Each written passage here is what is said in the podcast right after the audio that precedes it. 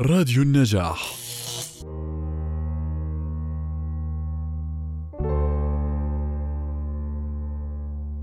إلهي أذهلني عن إقامة شكرك تتابع طولك وأعجزني عن إحصاء ثنائك فيض فضلك. وشغلني عن ذكر محامدك ترادف عوائدك.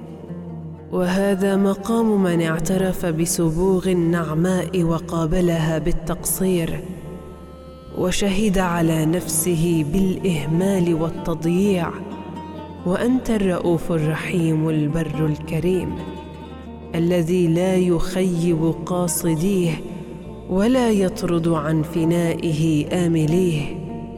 بساحتك تحط رحال الراجلين فلا تقابل آملنا بالتخييب والإياس ولا تلبسنا سربال القنوط والإبلاس.